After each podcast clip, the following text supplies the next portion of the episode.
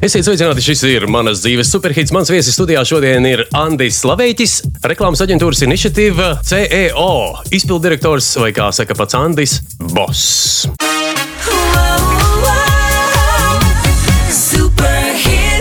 Nu, jā, ok. Šodien būšu boss, bet uh, skan tā varbūt pārāk, pārāk bosiski, bet uh, noskaidrosim, kāds boss esmu. noskaidrosim, kāds esi boss.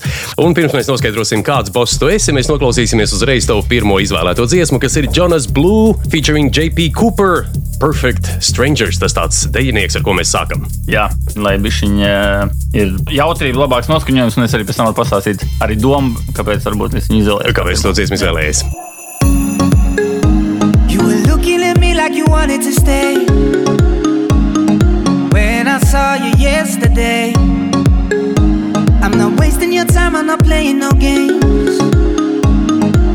I see ya. Who knows the secret tomorrow will hold? We don't really need to know. Cause you're here with me now, I don't want you to go. Nu, tad sāksim iepazīšanos ar to ballītes mūziku, jā, un tad uh, vari sākt stāstīt, kas tad ir ar šo dziesmu. Kāpēc šī balles dziesma? Jo pārējās tev tādas, mm, jāsaka, romantiskākas, melanholiskākas un varbūt netik deiskas. Jā, vispār nu, pārējās dziesmas, kuras, kuras mēs dzirdēsim, vispār ikdienā tāpēc esmu, tā kā man draugi zina, varbūt vairumam ir tāda aktīvāka mūzikas gama, bet man īstenībā patīk reāli akustiskā mūzika. Man patīk sa saklausīt, kā, ko, ko tajā dziesmā dzied. Ja es aizēju arī klausīties kaut kur mūziku, man nepatīk pārāk uh, liela skaņa. Tā kā skaņa noslēpē to tekstu, ko tas cilvēks tur dzied. Jo man arī tāpat kā teiksim, reklāmā svarīgs ir tas uh, stāsts un tā ziņa, ko, ko arī caur mūziku cenšas pateikt. Protams, to ziņu katrs var interpretēt pa savam. Arī šeit īstenībā tu saki, tā ir ballītes, tā kā dziesma, bet man tur bija sava ideja. Perfect Strangers bija ar domu, ka es ceru, ka mēs esam Perfect Strangers šodien šeit sarunā. Šodien mēs noteikti esam. Jā, jā, jā. jā. ja mēs esam strangers, bet pēc sarunas gan ko es nebūsim strangers. Rangers. Bet, uh, jā. kas tad ir ar tiem uh, ideālajiem svešiniekiem? Kas, ar ko tev tas saistās? Kas, ka, kāpēc ideāli svešinieki? Kā, kā vispār to var interpretēt? Um, kā viņi var būt ideāli? Varbūt runājot par svešiniekiem, es, uh, varbūt tas tāds temats, un arī es vienkārši pēc sevis aizdom, aizdomājos par to, ka man parasti diezgan viegli izdodas uzsākt sarunu ar nepazīstamiem cilvēkiem. Darbs tāds. Viens, viens ir darbs, bet otrs arī, ka es teiktu, ārpus darba kaut kur ceļoju, aizēju pie kāda aprunāties. Uh, vai kāda vietējā. Un, un man patīk iepazīt jaunus cilvēkus. Un, un vēl viena tāda interesanta lieta par tiem, varbūt, strangers. Man pēdējā laikā, vismaz pirms diviem gadiem vai trīs, mēs bijām ceļojumā. Notika viena tāda interesanta epizode, pēc kuras es aizgūlu vienu interesantu lietu saistībā ar svešniekiem. Bija tā, ka mēs aizgājām ar ģimeni vakariņās. Bija Amerikā. Kur tas bija? San Francisco. Uh. Jā, aizgājām vakariņās, iepazināmies vienu amerikāņu pāris blakus. Tad galdiņi bija baigi tuvu. Um, mums bija mazi bērni, protams, pievērst uzmanību. Tad šis te tāds um, amerikāņu pāris mums tur izprašņāja, no kurienes mēs esam, parunājāmies. Un beigās bija tā, ka uh, viņi gāja projām, mēs, mēs atvadāmies. Tieši tajā brīdī atnāk arī viesmīlis un atnes mums rēķinu. Tā kā es gribu maksāt, viņš saka, ka nē, ka pa mums jau ir samaksāts. Un es tā kā šokā, viņš saka, ka blakus galdiņš pa jums jau samaksāja. Un tad atkal tas pāris, kā viņi tā kā neveikli, jo viņi negribēja, lai mēs zinām, ka viņi pa mums samaksāja. Bet tad sanāca, ka viņi vēl tur bija, viņi vēl nebija aizgājuši prom. Tad mēs arī tādā šokā. Bet viņi teica, ka vienkārši mēs esam forši cilvēki un ka viņi gribēja mums vienkārši apmaksāt vakariņas par to, ka, kā, lai mums paliek tas labākais iespējas par viņu valsti. Un, tad, un viņi to darīja, jo viņiem kāds tā bija izdarījis. Un tad nu, es to esmu aizguvis un arī nu, tā cenšos parasti, ja, man, ja kaut kur aizēju un kāds nepazīstams cilvēks, ar kuru man izdodas uh, uzsākt tādu labu kontaktu, tad es tā padomāju, kā es viņu varētu pārsteigt. Un mēs vienreiz to izdarījām Latvijā, un Latvijā tas bija arī ļoti efektīvi. Bija tā, ka mēs arī sēdējām, mēs bijām vakariņās. Un, uh, Bērni sāk spēlēties ar blakus galdiņu bērniem. Mums bija atpūta. Tad uh, Un uh, blakus galdiņam tā sieviete teica, ka nu, mēs būsim kaut ko tādu parādā viņiem, jo kā, viņu bērni parūpējušies tajā vakarā par mūsu bērniem. Es, es piekrītu, es teicu, jā, liels paldies. Bija, bija ļoti foršs vakars. Es arī ejot prom, vienkārši pateicu, tad es labprāt, jūs redzējāt, viņi tur dzer vīnu. Es pateicu, lai vēl kā, divas pudeles vīnu viņiem uzsauc. Mēs jau tur izgājām ārā, aizgājām līdz mašīnai, skatos, pēkšņi tas tēvs dēls skrien, skrien mums līdzi. Un viens bija foršs, ka bija tumšā ārā, un es arī redzēju to, to faktu, kā viņiem tas iesmīlis atnest to, to vīnu. Un tie cilvēki sāk arī nu, tāds šoks, bet skaidrs, ka, ka pat, patīkams. Un, jā, viņš pilnīgi atskrēja līdz mašīnai un tāds bez valodas. Kā, kā mums tagad jums pateikties? Es saku, nu, kā, nekāda jau pateicība nav vajadzīga. Padod tālāk. Es saku, jā, padod tālāk. Un ka vienkārši bija super. Tiešām jūs mums padarījāt super vakaru un bija baigi forši. Tas ir par to, ka es varbūt arī aicinātu pārējos cilvēkus vairāk, vairāk būt dro, drosmīgiem un uzrunāt kaut kādus nepazīstamus cilvēkus. Un tas man šeit baigi interesants process beigās. Varbūt. Nu, mūsu klausītāji tagad pilnīgi noteikti redzēs tavu attēlu, jā, un tad brīdī, kad kaut kur kādā krokā noteikti nāks, nāks iepazīties. Jā, jā. Džeks man kaut ko uzsaukt. Bet īstenībā, manuprāt, tā ir tāda forša lieta, ko nu, tiešām jāsaka, padot tālāk un nodibināt to kontaktu. Un, un, un, un kāpēc nē? Bet ja, arī, ja bet arī, paši, jā, tieši tā, un, bet arī pašam tā sajūta, nu, tā kā, ka tu izdari kaut ko labu, tam, nu, un vēl tādu tā kā, pārsteigumu, tas efekts, un, ka zini, ka cilvēks nu, tiešām neko tādu negaida. Pašam vienkārši īstenībā es pat, es pat nezinu, man šeit pat vēl labāk jutos nekā viņi tur, jo vienkārši, kad izdara to labo darbu, un jā, super tāda, tas man tagad tāda tradīcija, kuras sevis tā parasti aptos. Ja kāds man kā ir kaut kāds kontakts, tad es nu, domāju, kā es tam cilvēkam var šo izdarīt. Jā. Paldies, es arī ņemšu vērā. Tad, tad laba, laba doma, laba jā. ideja īstenībā. Un arī tas, ka eh, viens ir, kur varbūt tu tā kā ka tu izrādi, tur, nezinu, tu, tur, ka tu vēl pats esi, bet mēs, tu pats jau aiziet prom. Un, un tad tajā brīdī viņš, viņam pat īsti nav kam pateikties, bet viņš saprot, ka okay, nu, kaut kas viņā tur noteikti nosēžās. Un, jā, tas man tāds, tas man tas pateicis par tiem strangers. Viens ir tas, ka es, mēs, manuprāt, esam šodien perfekti strangers sarunai. Otrs, kad vienkārši par to es gribēju pastāstīt šo epizodi no savas pieredzes. Nu, es pilnīgi noteikti pieļauju, ka sarunas laikā mēs vairs nebūsim nu, strangers. Tad, mēs iepazīsimies un, un tiksim skaidrībā, kas ir Andris. Un mēs jau mm, pasakām, kas kāda mūzika tu klausies, jā, mēs zināsim, kas tu esi, jā, bet vēl šāds stāsts uzreiz uh, atklāja Nu, tā varētu teikt, tavu būtību jau, jau, jau diezgan. Nu, kaut, kāda šķautne, nu, jā, kaut kāda šķautnīca. Klausies, Andi, kā tu esi nonācis iniciatīva bossa pozīcijā? Kā, kāds bija tas kāds bija ceļš, kā tur? Jā, nu, man ceļš, es mēdīju nozarē strādāju desmit gadus, laikam šobrīd sanāk. Sāku no apakšas, biju students. Te pieminējuši, ka tu izskaties tik jauns, ka man liekas, ka tu sāki desmit gadu vecumā, ja tev te varētu būt 20, un 10 jau ir nostrādāti reklāmas industrijā. nu, tik, tik jauns neesmu, bet eh, jā, desmit gadi ir pagājuši. Jo vienā industrijā es neesmu baigi, baigi mētājies, bet uh, sāku no apakšas kā, kā plānotājs, eh, kā projektu vadītājs. Tad jau atbildēju par, par lieliem klientiem, par jaunu biznesa un vispār kompānijas kā, biznesa attīstību. Un tad jā, šobrīd kaut kādas arī viss jau plūst un mainās. Un, šobrīd man uzticēja vadīt aģentūru. Tas boss, nu, tas es neesmu tāds bossīgais un autoritārs, es esmu tāds draudzī, draudzīgais boss palielam. Es tā domāju, es tā centīšos būt. es jau arī teicu kā, savai komandai, ka uh, skaidrs, ka es gribu būt uh, nu, lead with example no sērijas, kad nu, es gribu tās labās lietas uh, arī pats, pats, nevis tikai kaut ko runāt, bet arī rādīt to pareizo piemēru. Un, un es teicu komandai, ka es gribu, lai viņi pēc tam nu, atcerās to, ka viņi var teikt, jā, bet lavēķa laikos bija tā. Bija tā, vai ne? Jā, Klausies, kādas būs tās trīs, nu, nosauksim, nosacīti trīs īpašības, kuras tu liktu kā piemēru, kuras tu pats vienmēr sevi uzturi un kuras tu gribētu redzēt no saviem, nu, nosauksim, padotajiem? Jā, viens ir uh, cilvēciskums. Vienkārši, ka tu nepieeji pēc kaut kāda, vienkārši, kad ir kaut kāda noteikuma vai kā, bet nu, vienmēr izanalizē, kas vienkārši tev pašam iekšēji liekas pareizais lēmums, un pēc tā arī vadies. Jo, ja tu vadies iekšēji, kā tu domā un jūti, tad eh, pēc tam, kad tev kāds prasa, kāpēc tā darīt, tad nav jādomā. Nu, es vienkārši tā jutos, un man šeit tu dari tā, kā tu jūties, baigi, baigi nepareizi, jau neko nevar izdarīt. Otrs man ir svarīga arī darba tāda ētika, ka katrs, katrs tā kā, mm, nu, pieiet atbildīgi vienkārši darbam, izdara, izdara to, kas ir jādara ar, ar, ar tādu iedziļināšanos un, un, un piedomā pie tā, ko viņš dara, lai nav vienkārši tāda kaut kāda automātiska darbība. Un trešais, trešais ir jā, arī profesionālitāte, tas, ka tu seko, seko līdzi kaut kādiem jaunumiem un, un ej uz priekšu, ka tu, ka tu ej līdzi laikam, principā, ka tu ne, nestagnē, jo tie cilvēki, kas kaut ko visu laiku eh, skatās uz priekšu un, un, un mēģina sevi attīstīt, tas arī palīdz kopumā uzņēmumam. Kādi ir tagad tie jaunākie trendi tavā industrijā? Skaidrs. Nu, tie, kuriem vajadzētu sekot līdzi, ir tev un padotajiem.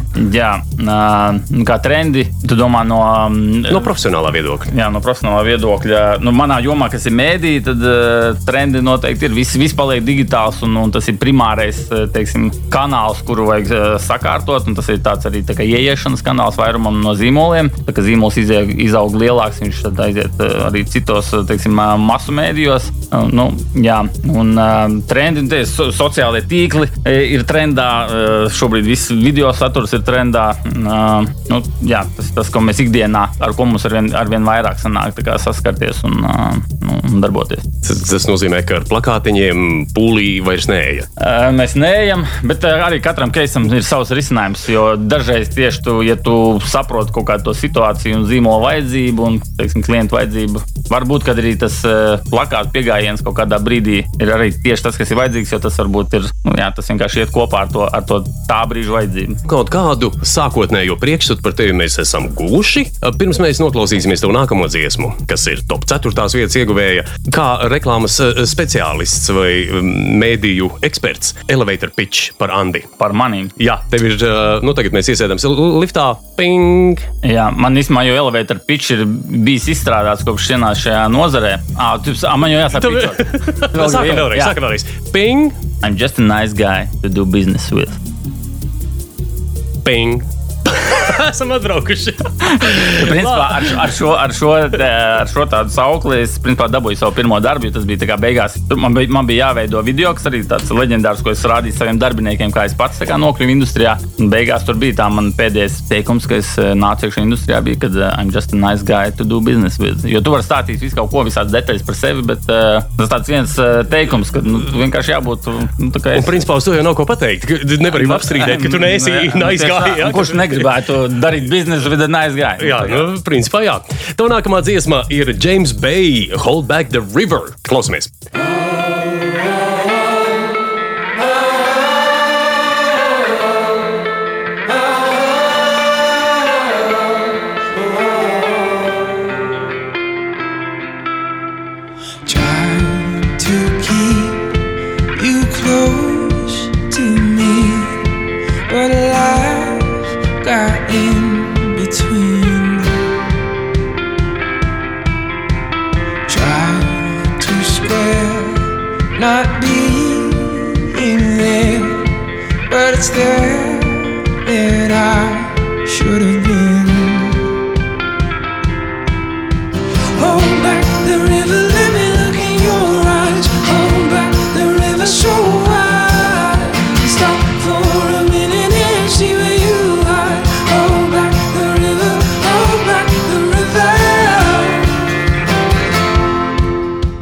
Jau ir tāda, jau tāda, saproti, tāda nu, rāmāka dziesma vairāk manā virzienā. Vairāk tavā virzienā. Kāpēc? Nezinu, man, man, kā es teicu, man patīk to saklausīt. Un, īsumā, es nu, pats esmu ikdienā padaudz nodarbojies ar sportu, tad, kas arī varbūt nav raksturīgi, jo parasti viss, ko es esmu kā, vairums, ko es esmu runājies, tad visiem patīk, nu, kad sporto to dinamisku mūziku, kas tev uzkurina. Man kaut kā pretēji, man patīk, lai tāda mierīga mūzika. Un kad kaut kāds, laikam, pretstats, jo, varbūt, jo es nodarbojos ar skriešanu, un tā ir tāda monotonāka darbība, un tam man arī vajag Es, tad, jā, es meditēju, ieklausos tajā dziesmā, un tad izskrienu to, ko man vajag izskriet. Bet uh, arī tas Hold on the River, vairāk es viņu saprotu par, par to, ka uh, viss notiek vienkārši mūsdienās ātri, un ka viņš tā, kā, tā doma, ka nedaudz apstājamies un izbaudām uh, šo mirkli. Šo mirklīti, un tev sanāk? Es sev visu laiku atgādinu un mēģinu strādāt ar sevi, kaut kur nedomāt par daudz uz priekšu, vai kaut kur kavēties, bet jā, apstāties un pabaudīt. Nē, nu, no, no tava iepriekš teiktā es sapratu, ka tu esi tāds, nu, protams, intelektuālis, bet arī sirds cilvēks, kurš eh, vadās no tās mm, sirds aicinājuma, no sajūtām bieži. Ja? Jā, sajūtas man ir svarīgas. Un, jā, jā, tā, tā varētu teikt. Nu, vēl tajā dziesmā skaidrs, ka upi mēs neapturēsim, bet uh, tur kaut kā tiek minēts par tādām cilvēki mēģina slēpties uh, aiz, aiz, kaut kā, aiz kaut kā. Vai tu kaut kādā dzīvē mirklī esi noķēris sevi slēpjamies un uh, no kā, ja esi? Man bija viena ļoti laba mācība. Varbūt ja to var nosaukt par slēpšanos vai par kaut kādu izlikšanos. Vēl pirms es biju mēdīņu industrijā, mans pirmais darbs bija telemārketings. Es zvanīju investoriem un piedāvāju investēt tur jēlnaftā un visādās lietās. Un tad, un tad tu sāki, I'm nice guy. Uh, tad tur, sāk, man, tur vēl bija tas, ka tur bija limits kaut kādā jāsavāc vismaz četri līdi dienā, un mēs bijām liela komanda. Es parasti jau tur pusdienas laikā biju septiņas dabūjis, un pārējie kolēģi teica, lai es vairāk nedabūju, jo tad, nu, tas, tad bija darba diena, principā. Ne? Man, jā, jā, jā, man bija īsta darba diena, bet man vajadzēja nu, Es nevarēju to izrādīt, jo man bija jākooperējas teiksim, ar pārējo komandu. Jo, nu, tad, ja, ja es parādīju, ka es to varu, tad pārējie vienkārši tur tika pārāk dresēti. Bet par to izlikšanos, slēpšanos bija tā, ka es strādāju kā tas telemārketinga džeks, kas zvana. Tad nākamais līmenis bija jau kas runā ar tiem līdiem un mēģina finalizēt darījumu. Tad man parādījās iespēja, ka man virzīs uz to, ka es varu būt. Tur atbraucu tur, viens no owneriem no Amerikas un intervēju visus. Un tajā intervijā viņš man tur prasa, nu, kāda man ir pieredze ar kaut ko tādu līdzīgu. Un es kaut ko tur savā galvā izdomāju, kaut kādu tur keisu, un, un, un tur vajadzēja viņu, kā jau amerikāņi, nu, bija arī, un, jo arī klienti bija no Amerikas, vajadzēja brīvi runāt angliski, un es kaut ko tur samīkstinājos un, un samulsu un izgāju ārā. Un beigās bija tas, ka nu, viņš nedabūja to pozīciju, bet mans tiešais priekšnieks man uz to bija virzījis. Viņš teica, kā, ko tu tur darīji? Viņš teica, tur nevajadzēja neko izdomāt, ka tev ir pieredze. Tev vajadzēja vienkārši pateikt, ka nekāda pieredze man baigi nav, bet ja jau es esmu šeit, tad jau kaut ko laikam es esmu derīgs. Kāds redz, ka es esmu tam derīgs. Un tad tas bija man tāds uh, viena arī tāds, uh, tāda epizode, no kuras iemācījos, ka nekad neko nesamācot. Vienkārši pateikt, kāds tu esi. Nu, tad, ja kāds uzskatīs, ka esi derīgs, tad būs derīgs. Nu, jā, nē, nu īstenībā tas tieši, ko tu teici, jā, I'm nice guy. Un, mm. Bet, zini, kā mani draugi ir teikuši, nu, saka, jauks cilvēks nav profesija. no profesionāla viedokļa. Profesija tā nav. Jā. Jā. Jautājums, kas ir vispār profesija? Nu, jo profesija, tu vari, nu, tā kā pols arī profesija saka, nu, tad uh, jautājums, kas ir profesija līdz galam? Zini, kaut, kaut kādas tās prasmes jau kaut kādas cilvēki grib un, un prasa. Jā. Vēl tu pieminēji cilvēcību, un um, arī tavā iepriekšējā dziesmā bija tādi vārdi kaut ko tieši par to cilvēcīgu, ka mēs varbūt tiešām esam vienkārši cilvēki. Kāds ir tavs redzējums par to, kas, kas principā mūs padara par cilvēkiem? Jo biznesa pasaulē var būt tā, ka pats jau minēja, ja, ka mēs bieži izliekamies, mēs uztaisam to korporatīvo masku un, un kaut kā ļoti tā skarbi mēģinam izlikties un tādi biznesa sharks un kas tikai vēl nē. Jā, manuprāt, empātija padara mūs par cilvēkiem, ka tu, ka tu spēj iedomāties sevi tā otra cilvēka vietā, kurš ir tev, tev pretī un attiecīgi arī rīkoties tā, Es arī savam dēlam laiku saku, ka nedari citiem tā, kā tu negribi, lai pret tevīm izturētos. Tā, izturētos jā, man tas tāds baigi svarīgi. Nesimest tā visu laiku, tas ir tāds reāli, man šķiet, ko es pats tiešām uh, ikdienā to realizēju un daru. Nu, es vien, vienmēr, principā, ka man jārīkojas, nu, es nedarīšu nekad tā, kā es negribēšu, lai pret maniem nu, daru. Tad tas man šī tā empātija arī padara to tādu, nu, tevi par cilvēcisku. Vai ne? Liekas tik vienkārši, bet kur, kurā brīdī mēs to kaut kā aizmirstam? Tu varbūt, jā, jā, nu, varbūt, ka mēs skrienam, mēs, skrienam grib, mēs kaut gribam kaut ko sasniegt, un tad tu aizmirsti, kad eh, nu, jautājums, ko tu esi gatavs, kā, kam tu esi gatavs iet pāri, kaut ko sasniegt, cik tas ir svarīgi. Klau par sasniegumu runājot, kā vispār mēs varētu nodefinēt sasniegumu dzīvē? Sasniegumu, sasniegumu. Nu, nu, tādu, tādu, nu, kā saka, veiksme, vienmēr saka, tur successful, nu, jā. tas success, jā, tas, tas, tas netveramais auglis, kurš, kurš, kurš kaut kur ir. Kā tu to redzi? Priekš, nu, globāli sasniegumi es noteikti redzu, ka tavas expectācijas, tā kā when the expectations meets reality, nu, tā kā atkarīgs no tavām expectācijām.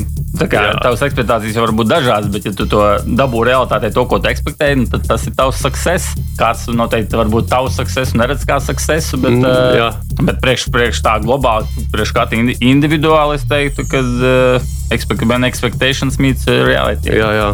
Tas, ko mēs sagaidām, Tad tas īstenojas realitē, realitātē. Jā. A, kā to panākt? Great success. Great success, jā, amerikāņu stila. Jā, bet kā to panākt? Kā, kā, nu, zin kā, vienmēr ir tas, nu, re, kur ir man tas lielais virsuzdevums, tas mērķis, un tad es eju, eju, un, protams, gadās paklupt, un uh, vēlreiz paklupt, un, un, un, un tad vienā brīdī, kā saka, nolaiž ausis, aste kā aizstarpē, un, un liekas, ka nē, tas nav mans. Jā, nu, tā, tā noteikti ir. Tur ir arī darbs ar, ar sevi. Tu jau otru reizi piemini šo frāzi darbs ar sevi. Es pajautāšu, kāds ir šis darbs ar sevi, ko tu dari? Tad vienkārši tu apstājies, un, nu, kā, pa, kā es, ko es daru. Es jā, ko tu dari? Ko tu dari? Es ar sevi vairāk runāju ikdienā. Es laiku iekšā notiek iekšā kaut kāda diskusija, nu, kā to savu prātu strādā, tā teikt. Nu, kā, kā to panākt, un katram noteikti savi, savi paņēmieni. Otrs ir, nu, viens ir noteikti ne, neatkāpties no saviem uzstā, uzstādītajām vēlmēm. Otrs arī par to par tiem expectations. Nu, skaidrs, ka tu vari būt, varbūt tu vari būt more successful, ja tev ir mazāki expectations, bet uh, mans skatījums ir par to, ka uh, garlaicīgi noteikti dzīvot ar, ar, kā, likt, ar maziem mērķīšiem. Ar maziem mērķīšiem, nu, uzliec lielus mērķus, bet saproti, ka tas ir tā kā Svarīgi jau ir, īstenībā, ja mēs runājam par tiem mērķiem, man jau šķiet, ka svarīgāks ir tas pats ceļš vienkārši uz to mērķi. Mm -hmm. Ja tu to pats apzinājies un tu spēj izbaudīt, tad jau vai tu nonāksi līdz galam tajā gala punktā, tas varbūt pat nav. Nē, nu te, te varētu iedrošināt, mēs visi nonāksim līdz gala punktam. Nu, kā. jā, jautājums, vai kādam tas ir mērķis? vai kādam tas ir? Nē, nu, mērķis, ne mērķis, jā, jā. mērķis tas diez vai kādam ir, bet kaut kādā gala punktā mēs nonāksim. Vai arī nē, vai arī tas ir mūžīgs saplis. Vai ne? Mūžīgais samsāras rats. Ko nesīs rītdiena, tas mums nemaz nav jāzina. Jā. Ko tu saki par šo apgalvojumu? Vismaz vienā no man šeit nākamajām dziesmām ar tā, tā, tā dziedās. Līdzīgi kaut kā, jā. Dziedās, jā. Kas notiks rītdien? Nu, kaut kā labi, jāplāno ir. Jā, tur mēs, tur mēs piekrāpām. Jā, jā, bet... Protams. bet tu nekad nezini, kā tas ieplānotais izvērtīsies. Tas, tas gan ir skaidrs. Un līdz ar to, ja tu nezini un nevari to ietekmēt, tad tu vienkārši nevari zināt, ko tev, ko, par ko tev tur domāt, vai tur zināt par lietām, kuras tu nevari zināt. Nevar, nu, vienkārši enjoy. Superīgi. Šeit uzreiz saproti, nāk prātā, es nezinu, tu esi uh, cilvēks, kas nu, nosacīti, nosacīti, nosauksim to par uh, ticīgu cilvēku, reliģiozu, augstākās uh, būtības kosmosa dievs.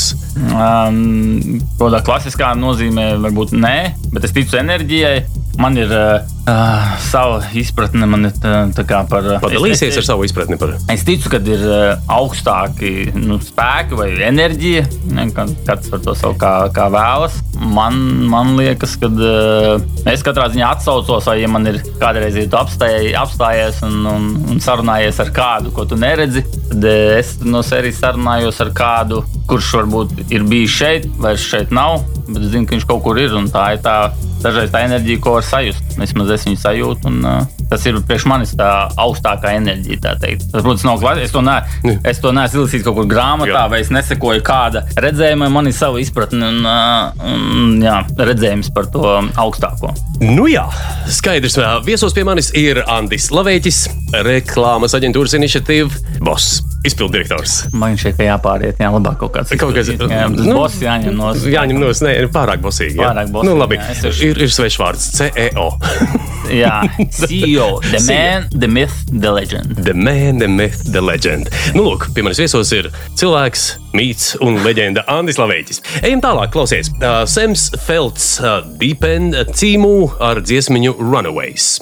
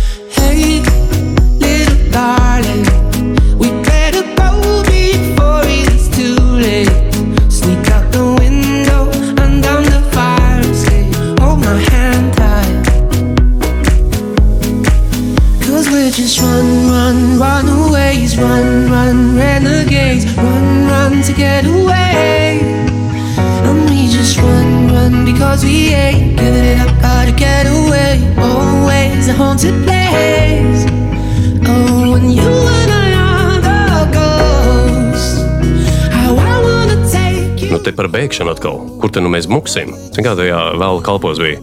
Andrija, muksim. Muksim, muksim nu, jā. var mukt un var vienkārši skriet.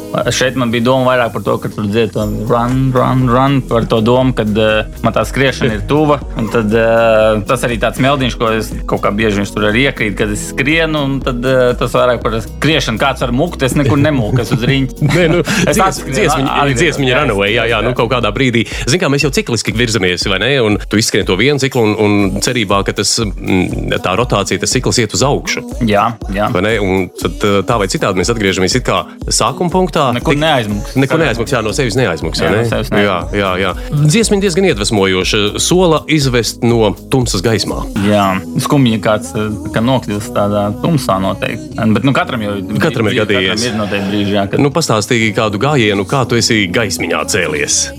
Gaismiņā. Nu, mazam, zini, kā dzīvē ir bijuši grūtāki brīži. Nu, visiem gadās, nu, kuram negadās. Mm -hmm. Protams, ka tādiem smaidīgiem un pozitīviem ļaudīm kā tev gadās retāk. Jā. Nu, tas atkal ir kaut kāds darbs ar sevi. Da, darbs ar sevi jau trešo reizi. Pa, pa, parunāšanās ar sevi. Zini, kā man vajadzēja tādu šķīvi, bling. Jā. Katreiz kāds saka, darbs ar sevi, un tad mēs saskaitītu kopā, cik ir. Bet ir pareizi, ir pareizi. Ar sevi ir jārunā. Es nezinu, nu, gan jau, ka visi mēs runājamies ļoti ar sevi ikdienā. Kāds mazāk, kāds vairāk. Jautājums, par ko ar sevi runājies. Bet, uh, jā, nezinu. Starp citu, jā, labi, ka to pateici. Nu, mēs visi vienā vai citā veidā ar sevi to iekšējo dialogu vedam. Ja tev nav grūti ieskicēt, tas iekšējais dialogs, Andim, kāds ir ar sevi? Kur tu, kur tu sevi, teiksim, paslavē, kur tu sevi varbūt eh, sarāji, vai, vai kā tas notiek? Mm, jā, ne, nu, tāds ir. Es pat dažreiz skaļi, es esmu tur viens, kas saka, nāc, nu saņemies. Kā, vai, uh, Pak pie spoguļa nostājies, un tad tā, tā kā. Poguļi obligāti nē.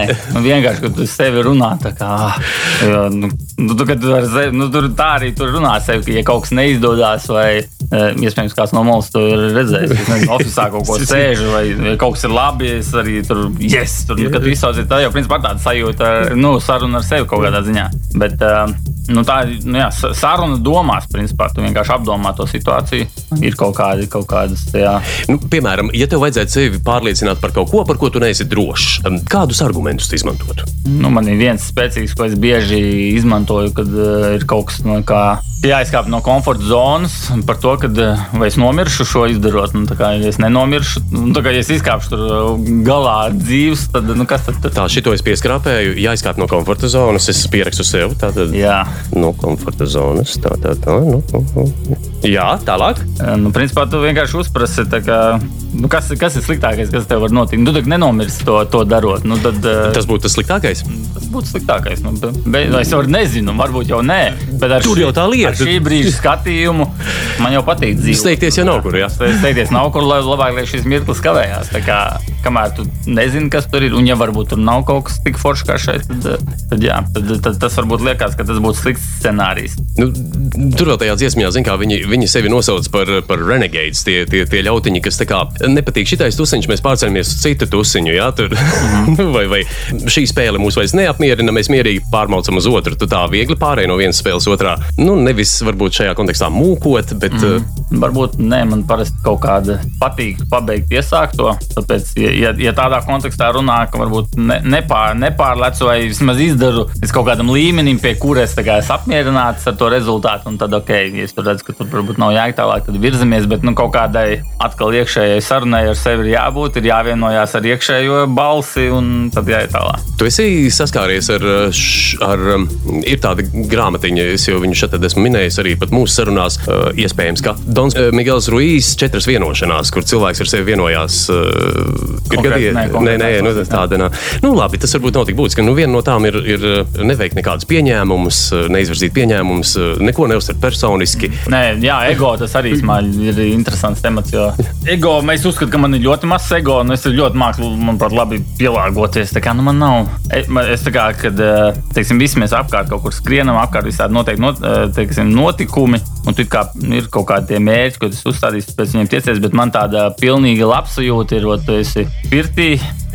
Eh, Ir apkārt. Mēs jau tagad uh, esam pie tā, ir ļoti karsts studijā. Jā, Es paziņošu diezgan- mūsu šeit- klausītājiem. Jā, ē, šeit ir, tāpēc, jā, ir, labi sajūta. Bet, ja, ja krākli varētu novilkt, bet tas laikam nebūtu atbilstoši. Bet, jā, bet principā tās, tās pamatvērtības, tās pamatlietas ir, ir, ir ļoti vienkāršas. Un uh, tu saproti, ka principā nekas jau tā kā labi dzīvot īstenībā ir, ir ļoti viegli, bet uh, bieži vien jā, tas e e- ego cilvēks varbūt padara nu, necilvēcīgs. Mēs aizgājām sarunā par to cilvēcīgumu, tad tam tā empātijai pretējais man šķiet, kas to empātiju bieži vien izjauc, ko es kā redzu ikdienā, ir kaut kāda cilvēka ego. Jā. Nu, bet tas egoisms sāk izpausties tieši tajā brīdī, kad kāds tev uzkāpj, nu, nosacīt uz varžacīm. Jā, tas tāds nu, nē, nu, nepaprātam Mhm. vai, vai nepaspalvai. Jā. Kā, kā tu tajā brīdī tiec ar to galā? Jo tā vai citādi gadās tavā profesijā noteikti un vispār dzīvē tā gadās. Protams, protams. Nu, tur ir jārēģē. Nu, tā kā viens ir vienmēr Es pilnīgi dzirdu, ting, Ting. darbs ar sevi. Darbs ar sevi, nē, tur īstenībā darbs ar to cilvēku. Jo nepakautrēties, eh, ja tu nonāc tādā situācijā, vienkārši aiziet pateikt, kā, kā tu redzi to situāciju, vai viņam tas liekas adekvāti. Nu, tā kā, un nevis, man ir arī otrais svarīgs ļoti ir adekvātums. Tā kā, ja kāds uzvedās, kā man liekas, nu, galīgi nav labi, tu aizēji viņam arī to pasaki. Jā. Parasti, jo reti jau kurš uzdrošinās tā kā aiziet un pateikt. Protams, ir, ir, ir brīži, kad tu tur varbūt nu, ne, nu, jā, jāsaprot situācijas konteksts, protams, bet jā, te ir vairāk pat ne darbs ar sevi, darbs ar to, ar to cilvēku. Un skaidrs, ka nu, visam ir kaut kāda robeža. Kaut kādā brīdī Vai tā robeža ir. Jā, nu, jo, nu, tu, tu vari pielāgoties, vari saprast, ka šajā brīdī tas nav tik svarīgi. Bet, uh, visam Klausies, nestāsti mums kādu gadījumu no neadekvātas situācijas, kurā tu esi nokļuvis. Nu, piemēram, nu, no tava skatu punkta, tā, tas cilvēks ir bijis neadekvāts. Nu, varbūt neiedziļinoties detaļās, jo mēs negribam nevienu, nedod Dievs, aizvainot. Un, un tad uh, grūti jau ir tas, ko tu saki, pieiet un pateikt, tā kā tu to redzi pareizi. Jā, nu, tas tur tā kā jāsaņemās, bet es parasti cenšos nekautrēties un, un to pateikt, kas ir bijis neadekvāts kaut kādā pēdējā laikā, ko es tur atminēties. Nu, nezinu, nu, piemēram, nu, labi, man bija tā, ka nezinu, nu, neadekvāti, neadekvāti, neadekvāti. Nenāk nekas tāds. Nekas, man nu, atnāks, varbūt pēc brīža. varbūt, jā, tad- tad- tad izstāstīsi. Citiem nenāk. Es, ne, es cenšos tos neadekvātos, laikam, Ja tu, tam neparotu. vai ne, tos nomet malā un aizmirst. Un... Vispār, vispār man īstenībā tā domāšana, kā es esmu sapratis pie sevis, es, eh, tas laikam arī kaut kāds mūsdienu laikmets, kad es visu kaut ko es kā piefiksēju lietu, ko es kaut kur atrodu vai kas man ir aktuāls. Man viņas visas ir konkrētā vietā, kur es zinu, kur viņas ir, bet es īstenībā nu, galvā es paturu to aktuālo. Mm -hmm. kas, kas man šajā brīdī ir aktuāls, vai tur būs kaut kāda tikšanās. Jā, es, es vēl aizsācu, es zinu, aizēju uz to vietu, kur man stāv aktuālā informācija. Es apkopoju viņu, bet tā, ka ļoti eh, zinu, ka nu, varbūt daudz ir, kas atcerās visādus faktus un tā tālāk. Man es vairāk kaut kā fokusējos uz to aktuālo un maksimāli labi sagatavojos un sasūtu faktus par to, kas man tajā brīdī ir aktuāls, bet bieži vien nepiefiksēju un neatceros kaut kādas lietas. Klausies, kā ar bērniem? Nu, bērni jau bieži ir neadekvāti. kā, kā tu šeit kā, kā, kā vecāks? Bet es nu, jā, tur saruna, saruna ar viņu kā ar pieaugušo. Um, jā, vienkārši ir jārunā, jāstāsta. Viņam, pēc tam, protams, ir pretī daudzi jautājumi, ir jāiz, jāizskaidro dziļāk, ar vien dziļāk un dziļāk. Bet, uh, nu, saruna, saruna, es nezinu, parasti jā, man ir divi bē- bērni, divi dēli. Uh, Cik veci iedrīkst zināt? Jā, vienam pusotrs, un otram četra pusi. Nu, ar četrgadnieku ir grūti. Ar-. Mazais vispār vēl. Nu, neizmērāt mazo ir grūtāk šobrīd, jo viņš dara kaut ko neadekvātu. Tur īstenībā saruna pat nepalīdz. Saruna tur noteikti nepalīdz. Tur, jā. nepalīdz. tur ir jāatrod uh, veidi, kā principā, iemainīt tos, nu, vai novērst to situāciju, uzmanību no tās situācijas par kaut kādu citu tematu, lai viņš vienkārši pievēršās kaut kam citam tajā brīdī. Tas ir tāds mans risinājums, kad tu zini kaut kādas lietas, kas viņu piesaista, un ja viņš redz kaut ko neadekvātu, dara kādu negrib, lai viņš viņam Bet ar četrgadniekiem vēl grūtāk ir, jo viņi tagad nu, viņi sāk sevi nodalīt vairāk no tā, kā saka, apzinās sevi vairāk kā jau atsevišķu vienību, individu, jā. un tad, tad viņš grib pa savam, un, un tur jau dikti loģiski neizstāstīsi viņam kaut ko. Nē, nu es, ja viņš arī grib par savu, mēs jau tā kā. Man kaut kā izteikties, jā, katrā ziņā ir redzēts visādi tur keisi, nezinu, nu, kad, kas būtu neadekvāts. Nezinu, tur uh, bērns, flomasteru, visu savu seju tur sazīmē, vai šitās uh, bildes, kas ir redzētas man kaut kā. mm, Jā, Vai tētim sazīmē sevi? Vai, vai tētim sazīmēs. Man īstenībā tā tie neadekvātie gājieni nav baigi daudz bijuši. Es varbūt tāpēc, ka jau es zinu, ka manā mamma ar maniem runāja ļoti daudz, kad es biju kā bērns, un es kaut kā to atceros. un Daudz runājāmies savā starpā. Tad es arī cenšos saviem dēliem, un vecāko šajā gadījumā. Vakarā pirms gulētiešanas visādas mums tur garās sarunas ir. un tad kaut kā, nu jā, nu tad, tādu baigo neadekvātumu izpratni laikam neesmu tā sas, saskāries. Tā vai citādi mīlestība jau iet pāri tam visam. Tā ir, ja tu varbūt Ne. pat nepamanīji, ja tev kādam no malas tas liktos uh, neadekvāti, tad, Ne. pār, tad to, to mīlestību skatoties. un- Klau, tu esi teicis, kas lutina bērnus? Jā. Vai, vai tu esi tāds mm. stingrais teicis tomēr? Mm, Nē, es laikam kopumā jā, esmu tas, kas, kas, kas lutina sievai, līdz ar to jāuzņemās kaut kāda Disciplinārā, disciplinārā puse, jā. jā, puse. Nu, es tur, protams, mēģinu neaiziet uh, galējībās, bet uh, jā, tā, tā mīlestība liek būt vājam bieži vien. Jā. Tā tas ir. Nu, bet tas tās patīkamais vājums, ne? Jā, Kaut protams, tā- protams. Nu, galvenais, galvenais neaizliegt kaut kādās g- galībās, nu, pašam saprast, tur uh, kaut kādu robežu, bet jā, bērni tiek lutināti. Laikam, jā. Tā tas mu- šobrīd ir, jo tik daudz iespējas un viss kaut kas pieejams. Un, uh, agrāk, uh, kaut kādā manā bērnībā, arī es neteiktu, ka es nebūtu tur lutināts, bet uh, visādi kaut kādi, kaut kādas bija visnepieejamākas, visādas uh, aktivitātes un lietas. Tad šobrīd, jā, viņiem tiek daudz, tas, manuprāt, ir labi un forši. Vai ne? Klausies, nu tagad par neadekvātumu runājot, pilnīgi neadekvāts jautājums, bet viņam ir sakars ar šo dziesmu tam jautājumam. Par spokiem. Tu tici spokiem vai nē? Es uh, ticu, jā. Es, nu, tā, tā man, arī manuprāt, kaut kāda enerģija, kuru mēs līdz galam nu, neredzam. Vienkārši tāpēc, tā kā, ja tu to neredzi, tad ir grūti kā, par to runāt un to izprast. Bet uh, ir bijuši kaut kādi visādi atgadījumi, kurus kā, reāli nevari varbūt, izskaidrot. To varbūt nosaukt kā spoku vai kaut kādu enerģiju. Jā, jā tad dzīve ir sanācis saskarties ar tādu nu, satikt spoku, vienkārši runājot. Mm, jā, nu ir kaut kāda, nezinu, paša durvis no sevis pēkšņi tur aizvarās, vai tur, nezinu, nu, tā atkal saku, tā uz sitienu man kaut kāds, ir, ir kaut kādas tās emocionālās lietas, es ļoti spilgti varu atcerēties, kaut kādi momenti par jā. spoku tēmu par spoku tēmu. Nu, atcerieties, bija vai... filma par, par spoku. Patriks Vaizī, jā, jā. baigais superhits bija. Es nezinu, vai jaunākā paudze vispār atcerās tādu filmu, bet atceros, jā. Jā, tāds scenārijs, kā tev liekas, tāds ir nu, tāds pietiekami reāls varētu būt. Nu, Es neesmu dzirdējis, ka būtu tik ļoti teiksim, kāds, kas nezinu, nevar, kuru, kurš netiek, nezinu, kur no sērijas ir otra persona blakus no sērijas, kur tu jau kā, reāli vari sarunāties ar spoku. Viņi, viņi, manuprāt, atnāk kaut kādos brīžos, viņi arī nezinu, ir enerģētiski vai kā viņi, viņi atnāk. Bet tādu gadījumu, ka kāds dzīvotu konstanti ar kaut kādu spoku un būtu tāda konstanta klātesamība, laikam, nē, nu, vienkārši to neesmu dzirdējis. Bet tā kopumā es, nu, es uzskatu, ka jā, nu, kaut kāda spokošanās un enerģijas e, mums apkārt ir. Jā. Bija vēl tā filma ar Brusu Willisu, uh, Six Sense, kur, kur visu filmu netiek atklāts, ka būtībā viņš ir spoks, kur tas mazais puisītis redz. Viņš ar to puisīti dzīvojās, runājās un, un nesaprot, kas ir pa lietu, kāpēc jā. viņš pēkšņi noraidīs. Jā, jo, kā, jā, jo viņš vienkārši redz to, ko varbūt citi, citi neredz. Arī, nu, protams, varbūt uh, ir, ir tādi cilvēki, jautājums, kā, kā mēs, tie, kas neredz to, ko kāds cits redz, kā mēs to uztveram kā mēs to saucam. Varbūt, jā, nu, tur, protams, atkal var, ir opcijas, ka tu, ka, tu redzi, ka tu redzi tikai to un neredzi kaut ko nezinu, apkārt to realitāti. Kaut kāda viena situācija, bet jā, nu, es neesmu saskāries ar kaut kādām tādām problemātikām. Es esmu kaut kādām mazām lietām, jā, tu tur ieeji un nodzies pēkšņi tur nezinu svece, kur telpā, kur nav nekāda vēja. Vai, ne? bet, uh, un tad pēkšņi uzmetās zosādene no kurienes. Jā, es...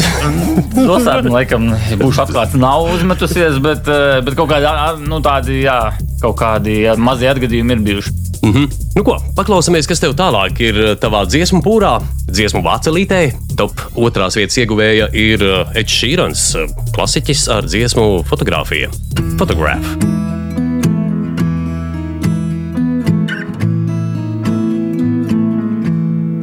Loving can hurt. Loving can hurt sometimes. But it's the only thing that I know. When it gets hard, you know it can get hard sometimes. It is the only thing that makes us feel alive. We keep this love in a photograph.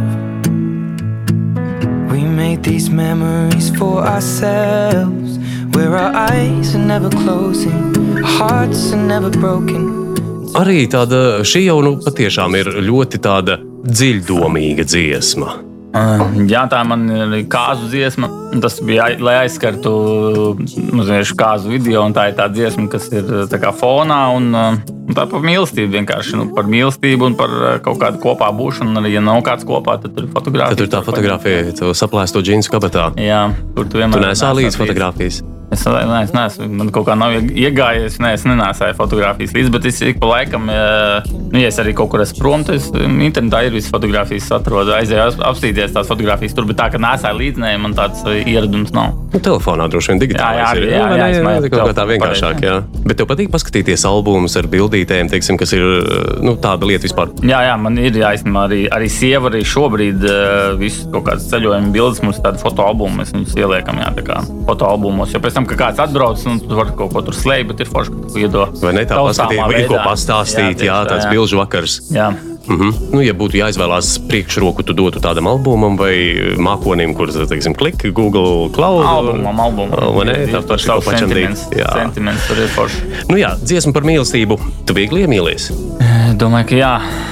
jā, man kaut kā, nu, man ātri saprotu. Es ātri uz, uztveru kaut kā tos arī sev līdzīgos cilvēkus, ka es kaut kur eju diezgan ātri pēc kaut kādām pirmajām nu, tur, sarunas frāzēm. Man, man vismaz pašam tā liekas, ka es tā nolasu un, un kā saprotu, kāds tas cilvēks ir. Un bieži vien arī tā ir. Pēc tam, kad es iepazīstu tālāk, tā pirmā intuīcija kāda Izrādās, ka pareizi ir. Ja? Nu, un par romantiku runājot, uh, tu sevi ir nosaukt par romantisku cilvēku. Uh, arī domāju, ka jā. Jā, nu, man arī patīk skatīties filmas par mīlestību. Un, uh, nu, man arī tā, tā mūzika, es nezinu, tā ir kaut kāda. Nu, tā vairs, mūzika jau uz to vedina, tāpēc es arī jautāju. Tā ir. Jā, tā ir. Nu, es arī to ne, nekautrējos atzīt. Nu, ja tā ir, tad man tā ir. Nu, tur, jā, nu, man ir divi, nezinu, divas puses. Ir kaut kāda tā, tā tā kaut kāda stingrā puse un cīnīties. Man patīk, kā tur izturības sporta veidi un tur darīt, nebūt tur kaut kādam e, mīkstajam, bet saņemties tad, kad vajag saņemties. Bet ir arī tā otra puse, kad nu, tas, kas ir emocionāls, tas ir emocionāls tā ir gadījies, ka tu skaties, nu, iespējams, ar sievu kopā romantisks vakars ir, un, un, un tur tiešām tāds aizkustinošs moments, un tu jūti, ka tev arī kamols sakāp kaklā. Un, Ir, jā, un, un ka tev bija jā, jā, jāslēp. Tas ir. Jā, jā, ir, ir, ir tā bijis. Man tā ir gadījies diezgan bieži. tas ir liekas, ai, jokaidi, nu par ko. Nu, tas taču viss tikai uz ekrāna. Jā. Un aktieri tik labi nospēlē. Bet viens par filmām man, man vēl ļoti patīk skatīties. Es nezinu, varbūt būtu gribējis būt. Man nav balss, man tur vienmēr gājas kori, nu, nekur nederēja. Varbūt man neved. Nu, to mēs pārbaudīsim nedaudz jā, vēlāk. Jā, jā bet man patīk X faktors skatīties. Un tur parasti atnāk tie cilvēki kaut kādu to savu dzīves stāstu. Un, liekas, nu, kaut kurienes izlaiž izlīduši. Un katram ir kaut kāds tas stāsts, viņš tur ir atnācis, vai viņš pats atcerēs dziesmu par kaut kādu savu dzīves teiksim, atgadījumu. Un tad tur bieži vien ir. Tad tu redzi, ka cilvēkam varbūt nav gājis baigi viegli, un tad viņš to iznes caur to savu uzstāšanos. Tas man liekas aizkustinoši. Tāpēc es arī skatos to X faktoru. Tur, tur bieži vien iznāk visādi ļoti labi tādi tīraņi. Tīraņi, jā. tīraņi jā. Bet klausies, zini, kā es, es arī esmu skatījies tos, un man liekas, nu, protams, tur televīzija tur drusciņi iestudē un kaut kāds tur scenārijs fonā ir, un visu to visu mēs saprotam, bet tajā pašā laikā tie, tie otrie vai kurš tas auditions ir, ka viņi iet uz tās lielās skatuves, jau, kur ir jau, jau cilvēki skatītāji zālē. Man liekas, tur vajag nu, tas, ko sauc baigās kahones, jā, lai, lai vispār to izietu. Es pats, es saprotu, man, man, man es vienkārši skatoties, man jau saproti, paliek mīksti ceļgali. Jā, sāku... es domāju, kā tie visi cilvēki, kas aiziet, kā viņi arī tur pēc tam iztur to visu, kas viņiem saka. To spriedzi nenormāli. Bet man, bet man īsti patīk parasti par pirmie audition, ka viņš atnāk, viņš vēl nekur nav redzēts, jo pēc tam jā, viņiem jau tur nu, choreogrāfi un tur iestudē, kā tur vajag viņus sapošt, tur viss mūkus. Tas jau tāds baigi komerciāli aiziet tās tie tālākie visi stage, bet tas pirmais, kad viņš tur atnāk, tāds kāds viņš ir, pastāst to savu stāstu. Un, jā, tur forši, forši, forši ir visādi. Kā tev liekas, tu pats varētu tādu? Nu, es nemāku dziedāt. Nē, nu labi, nedziedāt. Nu, varbūt tev kaut kāds cits talants ir. Es pilnīgi noteikti. Nu, mums visiem, visiem tikpat esot. Nu, nu, ir, kaut kas ir. Talants bet... ir jautājums, vai tāds, ko aiziet ko... un uz skatuves parādīt. Nu, jā. Kā, varbūt mans talants tur. Jā. Nu, iedomāsimies, ka tu baigi kruta proti dziedāt, bet jā. vienkārši tas tā pati feature, ka tagad es saprotu, es eju un, un, un mani tur vērtē šitie visi daudz. Bet, zin, kā, man, ir, man ir arī nu. pirms kaut kādām arī svarīgām tikšanām vai kaut kādām prezentācijām. Nu, ir tas tā kā, kā tu jau dari tās lietas ikdienā, kur jau tu bieži dari, bet kaut kāds iekšējais uztraukums nekontrolējams ir. Bet tiklīdz es ieeju tajā telpā vai uzkāpu uz skatuves, man viņš tā kā pazūd. Ne? Tu, es nezinu, arī nu, jā, tu, tu uzēji un tu redzi to situāciju, laikam to būtību saproti, ka nav jau tik traki, kā tu tur ekspektēji. Visi mēs esam tikai Jā. cilvēki, un tad viņš pazūd, un tu vienkārši iejūties tajā. Vai tā tēma atkal, mēs visi esam cilvēki, no iepriekšējā tieši tā.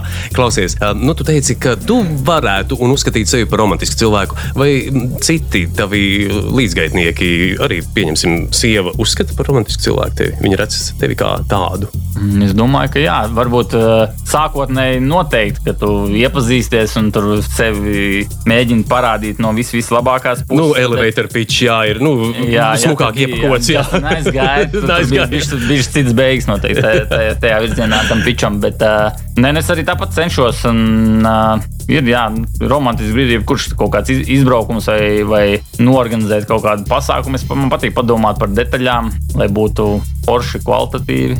Tas jau man šeit beigās to romantiku arī tur uh, izveido. Par fotografijām. Dziesma saucās fotografija. Tu līdzi fotografijas nenēsā. Bet uh, tur tiek pieminēts tas interesantais moments, ka tie acu skatieni satiekas, nu, vismaz tā var nolasīt no tās dziesmas, kur, kur tu skaties tajā fotografijā, un, un kaut kāda, nu, par enerģētiku runāja, par enerģijām, ja no tās fotografijas jau arī kaut kāda enerģija nāk, un tā vai citādi mūsu nervu šūnas uz to reaģē, vai ne? Tieši tā.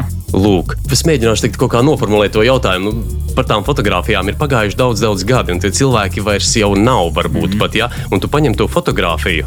Es, es parasti paņemu fotografiju, man prātā es aizēju atpakaļ uz to brīdi. Nu, ja es tur esmu teiksim, pats bijis klāt, kas ir tā fotografija, es aizēju un atceros. Un Un tas, es saku, es varbūt daudzas lietas eh, kā, prātā nepaliek, bet tas fotografijas moments parasti nu, jau ļauj laikam kaut kā atsaukt no tiem failiem, labāk izņemt ārā to, to failu, kas bija tajā fotografijā ārā. Un tu, kā, iztēlošanās spēja arī ir arī kaut kāda lieta, vizualizēšana. Es daudz arī vizualizēju lietas. Nu, es iedomājos, ka es aizēju kaut kādā savā mazajā ceļojumā, tur, kad skaties tās fotografijas. Bet tas ir tā, ka tu esi bijis, bet ja tu pat neesi, nu, pieņemsim, vēsturiskā bilde. Tu, tu, tu, pat iztēlojos to kā, arī, kad ir kaut kāda melnbaltā bilde. Es mēģinu viņu kā, izkrāsot un iedomāties, kāds būtu mūsdienās, ja tie cilvēki tur kā, kā īstenībā izsījās tā cepura vai tā jaka, jo viņi tur ir melnbalti, bet kā, kā viņi varētu iztīties. Ja?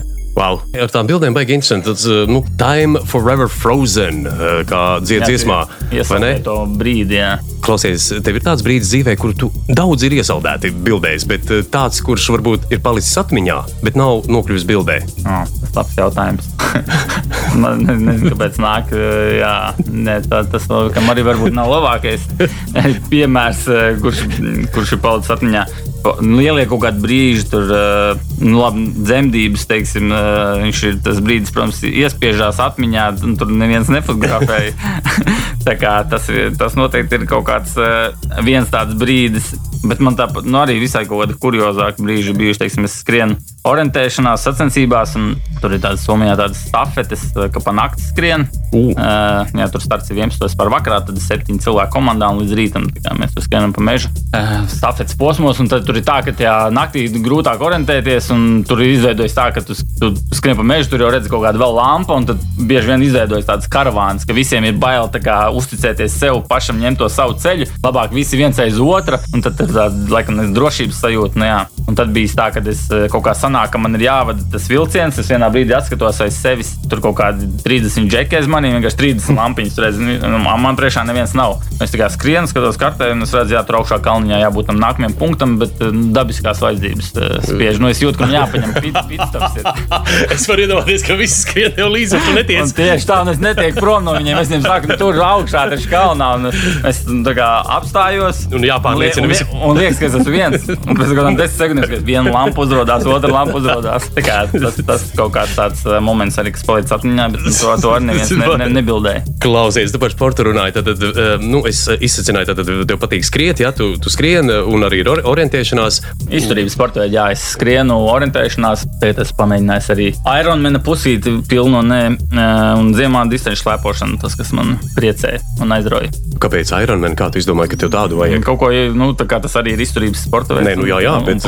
Pamē, pamēģināt, man nu, tur nu, arī Pagai, nu, kā, savs... klasiskā distance ir tā, jā, 100 km uh, brauca divriteni, jā? Klasiskā Ironman. Uh, klasiskā ir ritenis, man šeit ir 180, 180 jo, jo pusīte ir 90 ar riteni, jā. Ak, tā. Ir, tur izreiz divi. Tā kā es esmu atpalicis, jā. jā. pusīte ir uh, 1,9 km jāpeld, tad 3,8 ir pilnā, tad ir uh, jābrauc ar riteni 180 un jāskrien maratons. Man kā, tas, ko es esmu darījis, ir pusmaratons beigās un 90 ar, ar riteni. Arī ar kaut kādiem nu, teiksim, atzīmējumiem rezultātiem? Uh, nu, priekš sevis. Nu, skaidrs, ka priekš sevis, bet, bet, bet nu, bija, jā, skrien arī citi cilvēki. Jā, tad, ne, man bija savs kaut kāds uzstādījums, zem kur es tiku, bet es arī agrāk, jā, es biju Latvijas izlasē orientēšanās, un tad man bija tādi nu, augstie mērķi tikt izlasē, un tad tā nopietnāk tam pieeji šobrīd, lai tu tā kā elites līmenī kaut kur tiktu izlasētam, tā ļoti nopietni viss, jā, kā, mm, viss ir jāizplāno un tur vairākas reizes dienā jātrenējas. Tā kā tik nopietni es tam nepieeju, bet es reāli izbaudu to, to procesu, to pašu. Kad man citi prasa, kāpēc tu to dari, tā kā tie visi tie gan, ko, ko tu no tā saņem. Man ir no endorfīnus daudz pēc tam. Endorfīns, bet man tas ir tā kā, jo tu, tu gatavojies un ja tu esi spējīgs to distanci tajā brīdī pievarēt, tas ir tā kā tāda, es svinu tajā brīdī savu veselību. Mm -hmm. ja, tu, ja tu dari kaut ko intensīvu un tādu iz- izturības distanci, un ja tu jūties labi, tad tā tāds veselības svētki. Tu saproti, ka tev viss ir tu- es vēl varu, jā. Still got it. you got it, man! Still got it. Jā, Eju, tu teici, Latvijas izlasē orientēšanās, vai tad orientēšanās sports nu, tiks, nu, pasaulē ir tāds nu, liela lieta? Jā, Mm -hmm. Jā, nu Skandināvijā tīpaši. Jā, jā daudz teiksim, tās sacensības, ko es minēju, tās um, stafetes Somijā, tur piedalās uh, 25,000 cilvēku. Wow. Kopā, un tur starts ir kaut kāds, tur man šķiet, no visas pasaules. Jā? Jā, jā, no visas pasaules sabrauc un teiksim, kaut kādas 3-4 tūkstoši komandas, un tad tos 4 tūkstošus vienā brīdī laiž. un Tad vai labais skats arī, ka tumsā tos 4 tūkstoši lampiņas vienkārši pa, pa mežu sir, siro. Bet klausies, tie, tie kontrolpunkti, viņi arī tā kā ar gaisņām atzīmēti vai, vai jā, nē? ir atstarotājs. Jā, ir Atcerieties, Jā. ka kamēr tu tā, tikmēr tu Jā. neredzi viņu. Jā, Jā, jā. bieži vien atceroties, jā, tā kā palīdz. Bet viņi arī tur mēģina, viņš viņš tā kā slēpt, lai viņi tur tik viegli neatrodās. Tie punkti, lai nav tā, ka tu tur pavizini un jau un redzi pa gabalu autokontroll Mans viesis studijā - Andris Lavēķis, kā jūs dzirdējāt, sportists, orientierists, pusaironmens. Par pilnu ironmenu vēl nevar nosaukt. Bet tu Nevar, jā. plāno uz pilno distanci pāriet kaut kādā brīdī. Kaut kādā vecuma marazmā, jā, izdomāt arī to. nu, Pagaidiet, nu, kāpēc vecuma maratons? Tur jau vajag to veselību, ja tu būsi jau tāds tur vajag, bet vajag, eh, nu, gan jau es līdz tam varbūt nonākšu. Bet uh, atkal man, man nepatīk sevi mocīt, man patīk kā sagatavoties, uh, lai es ar prieku to distanci varu veikt. Tāpēc parasti, ja jūs man kaut kad redzat, ka es atbraucu uz kādām sacensībām, tad uh, vairumā gadījumā es būšu kā vismaz priekš sevis sagatavojies, lai man nav jāmocās. Tur. Labi, ja tur vēl blakus ir kaut kāds krodziņš, kur pēc tam var piesaistīties blakus, iepazīties un varbūt. Kādam svešiniekam kaut ko uzsaukt, viņu pārsteigt un pats no tā priecāties. Vai ne? Nu, ko, mēs esam gandrīz pietuvojušies, uh, principā esam pietuvojušies uh, topā pirmās vietas ieguvējai, bet šeit mums ir tāda iedibināta tradīcija. Es nezinu, vai tu zini vai nē. Es eh, paklausījos. Paklausījos, un tu zini, ka ir šāda tradīcija. Man Jā, jā. Balss jānodemonstrē Būs jānodemonstrē, un arī tas, ko sauc, jāizkāp no komforta zonas. kāpjiem. Kāpjam, tā kā tu zini, kas te notiek, tad uh, klausamies. Studijā klusums, Andris klausās jinglu. Kurā brīdī man ir jāsāk. Nu, tu tagad iepazinies, tu zini, Iepazinos, jā. es tev varu vēlreiz nospēlēt, ja tev vajag. Un tad, tā, kad tu jūti, kad ir, ja?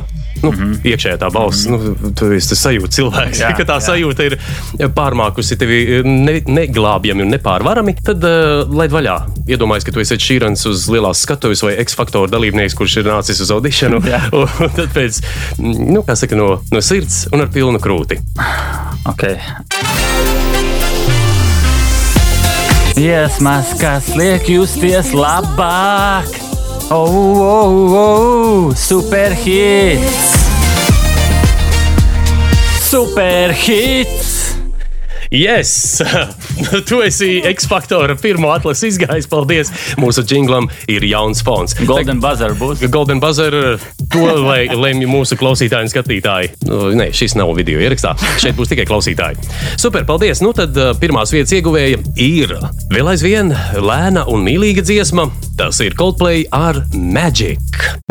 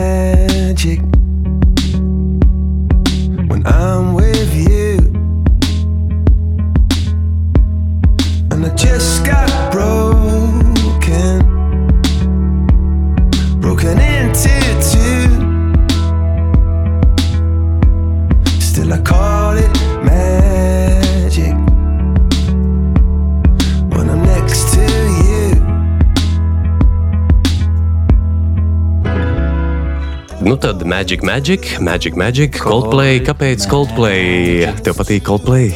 Arī patīk Coldplay, bet uh, tieši tas Magic man patīk. Kas ir ar Ja man, Magic? Magic man uh, viens no mīļākajiem nu, tā kā tādiem teicieniem, kurus plānoju arī uztetovēt. Man vispār gribās. Man patīk tetovējumi, tā kā es plānoju arī, ka man būs vairāk tetovējumu. Es dzirdēju vienā intervijā, ka tu man šeit lepojies, ka tev nav tetovējumi. Jā, es, es vēl aizvien lepojos. Jā. Man, man ir viens viens, bet man, kā, man, man patīk. Tas nav pārmetums. Es vienkārši zinu, kā Jā, ta- katra- ta- tagad tie netetovētoji ir jau minoritāte. Jā, jā. Es, saprotu, es, man, es, es, tur es pavilkšos, tur, tur, tur man, kaut kā patīk. Nu, jā. zini kā, lai top. Jā, lai top. Nu, jā, tad ir tās teiciens, uh, those who don't believe in magic will never find it. Un tad, uh, Ak, tā. jā, tas man šeit ir tāds, nu, ticēt tam, uh, ticēt tam magicam, ticēt tam brīnumam, jo savādāk, ja tu tam netici un neej ar to atvērto sirdi, tad nu, tur nepamanīs kaut kādas tos foršos brīžus, foršās sakritības kaut kādas. Pēc man parasti ir, jā, kad nu, vienkārši tici tam labākiem scenārijiem. palielam. Nu, jā, tas, tas būtu tā, tas, tas brīnums, ja mēs Jā, tulkotu maģiku kā jā, brīnums. jā. Bet, ja mēs maģiku nu, pamēģinātu notulkot kā maģija, Kā maģija. Eh, kaut kāda jā, maģija, kas uh, ir cilvēki, kas ar to ļoti apzināti nodarbojās, ir cilvēki, kuri vienkārši pēkšņi es nezinu, atnāk kaut kāds staps no augšas un viņi sāk būt. Mm. Tev ir nācis sastapties ar kādiem cilvēkiem, kas ir šajā te maģijas pasaulē dziļāk iekšā, un ko tu no tā esi iegūsi? Nu, kā tu to jūti vispār, to maģijas pasauli? ir nācies jā, sastapties, zinu tādus cilvēkus, kuriem ir kā, spējas. Vai, bet eh, mēs šeit caur mums katru plūst kaut kāda, eh, nu, ļoti dažādi noteikti arī tie maģijas virzieni, bet caur mūsu katru, manuprāt, plūst enerģija. Kāds to māca iznest. Un, jo man ir bijis tā, ka teiksim, es aizēju pie tāda cilvēka, un teiksim, viņš tev masē, un tu jūti to karstumu. Nu, tā kā tu aizēji nezinu, pie parasta masiera, nu, nav tādas sajūtas. Tu aizēji, un tu tiešām jūti, ka tam cilvēkam tās rokas ir nu, reāli karstas, vai ka viņš tev kaut kur uzspiež. Tās nu, ve- veidojās tādas uh, nebijušas sajūtas. Tā, es tev pēc tam paprasīšu numuru, pie kā ir jāiet. Jā, nav, nav problēma. Nav problēma. Uh, tas, ka tu kaut kādas tādas sajūtas izjūti, tas man ir licis uh, saprast, ka uh, nu, tā arī ir sava veida maģija. Ja es esmu gājis arī vēl pie viena cilvēka, tā kā arī tur bija, es kaut kur atradu internetā, sāku, jo par šo tēmu es kaut kur biju skatījies kā vairāk mm -hmm. info. un Tad es aizgāju uz vienu tādu tā seansu, tur parunāties, un tur arī mm, kā bija izgāja tāda. Uh, Tas Latvijā, ja? Jā, mm -hmm. tur es nesajūtu atklāts. Nu, es, ko man tur izlikties, reāli nesajūtu. Tad es varbūt tik ļoti vēl nespēju uh, sazināties ar to kosmosu pats. Uh, laikam esmu daudz ar Zemi sazinājies. Bet, uh, nu, jā, es ticu, ka ir cilvēki, kas to māca izdarīt labāk. un Mums jau visapkārt ir tas kosmos. Um, tad jautājums, kurš, kurš māca ar viņu savienoties kaut kādā veidā labāk. Bet tu jau esi arī zināmā mērā tas maģisks, ja tas jūs taisat digitālo kontekstu, ja reklāma jau ir zināmā mērā maģija, kas liek cilvēkiem darīt, nu, varbūt nu, kaut ko diezgan specifisku. Ja? Kādam, kādam tā var likties maģija, eh, no otras puses, eh, man tā neliekas maģija, jo tas viss ir tāds apzināts, izkalkulēts, izpētīts. Līdz ar to arī tie maģiskie triki, teiksim, ir triki, kurus es skatos arī tajā pašā X-faktorā, nu, kad mm. es nesaprotu, kāds ir izdarāms. Bet ir jau teiksim, tādi kaut kādi, tur, eh, nezinu, ka tur kasti uz pusēm tur pārgriež, un kur tu arī zini, ka tas jau ir izplānots, un tur savu tehniku tur speciāli uztaisīta visādiem spoguļiem, kad cilvēku apmāni, tur cilvēka, tas, kā mēs redzam, Uztveri, jā, jā. uztveri. Tas arī viss ir apzināti veidots, izkalkulēts un, un tur darbojas dažādi principi. Tāpēc kādam tā var likties maģija, ka man, ka man kaut kas tur sekojas. Drīz augsta kal- kalkulācija, jā. Tas ir viss izkalkulēts un nu, īstenībā kāds to ļoti labi saprot, kā tas notiek. Pieminēja vārdu sekot, un uzreiz, tad, uh, uzreiz internets nāk prātā un viss tie sekotāji. Kā tev ir interneta un sekotāji un visām tām lietām? Tu piedalies tajā interneta spēlē, visā tajā uh. Instagramošanā, tiktakošanā un tādās. Pa, pats es uh, aktīvi to nedaru.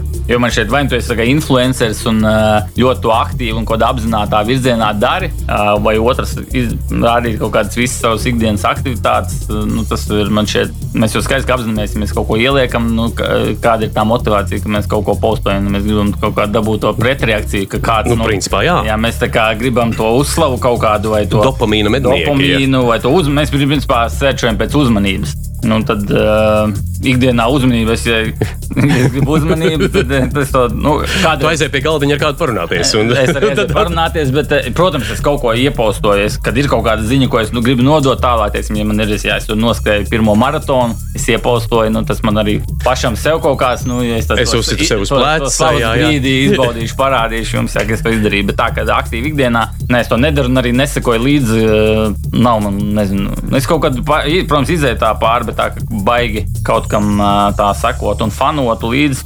Nē, tā laikam. Nu, Pagaidām, no mūziķiem arī tev vismaz savā laikā nebija tādi nu, favorīti, kuriem tu, nu, zini, kā tur līmē plakātus uz sieniņām un tā.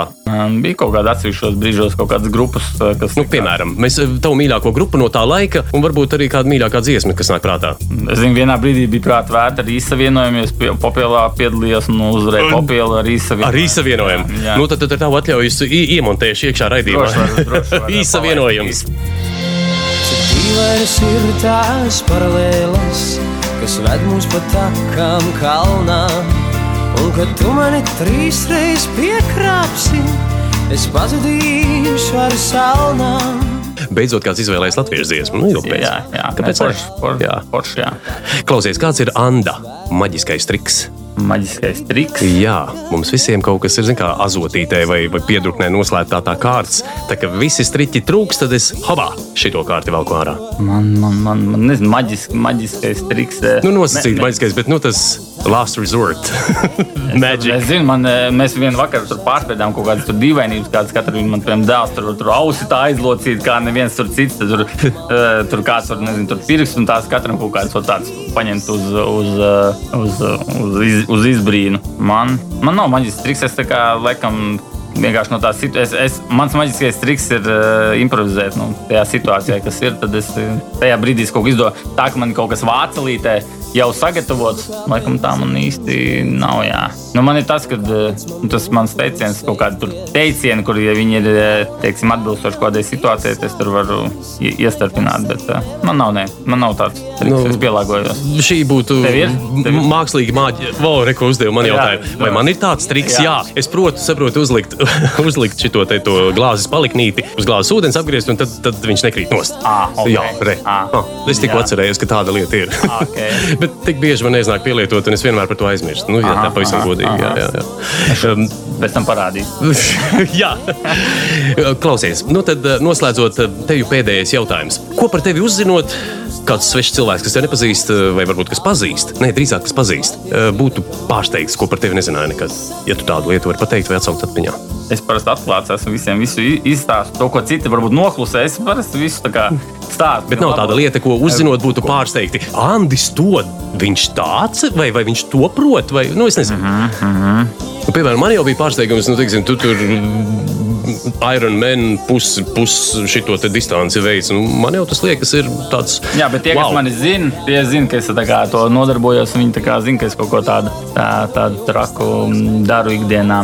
Es, ah, nu, varbūt daļa nezina, es biju. Ah, jā, vismaz, nu, fakts ir varbūt to, ka nezinu, kad es biju maziņš, man vecāki negrieza matus līdz kaut kādiem 12 gadiem. Aizmugurē tā, ka vispār negrie- negrieza. Man bija, es pat man ir avīzē raksts izgriezts, kur man bija garākie mati džekam, tur Rīgas rajonā vai, vai pat Latvijā. Es nezinu, neatceros, bet nu, man bija ļoti gara bizi, un tad man tas visi, man, kas, kas arī zina, ka es biju maziņš, tad visi zina, ka es biju džeks ar, ar bizi. Bet es teicu, ka man kaut kāda, tur nezinu, kurā klasē, bet bija pienācis punkts, kad es gribēju viņu nogriezt. Man joprojām viņa mājās stāv atvilknē, nogriezt tā. Cik gari tā bija? Bija, bija. Kaut kāda. Nu, nu, čē- mati at- izlaisti līdz kurienei mugurai. Nu, līdz. eh, līdz uh, Josvietei vai bišķi augstāk? Josvietei bija. Jā.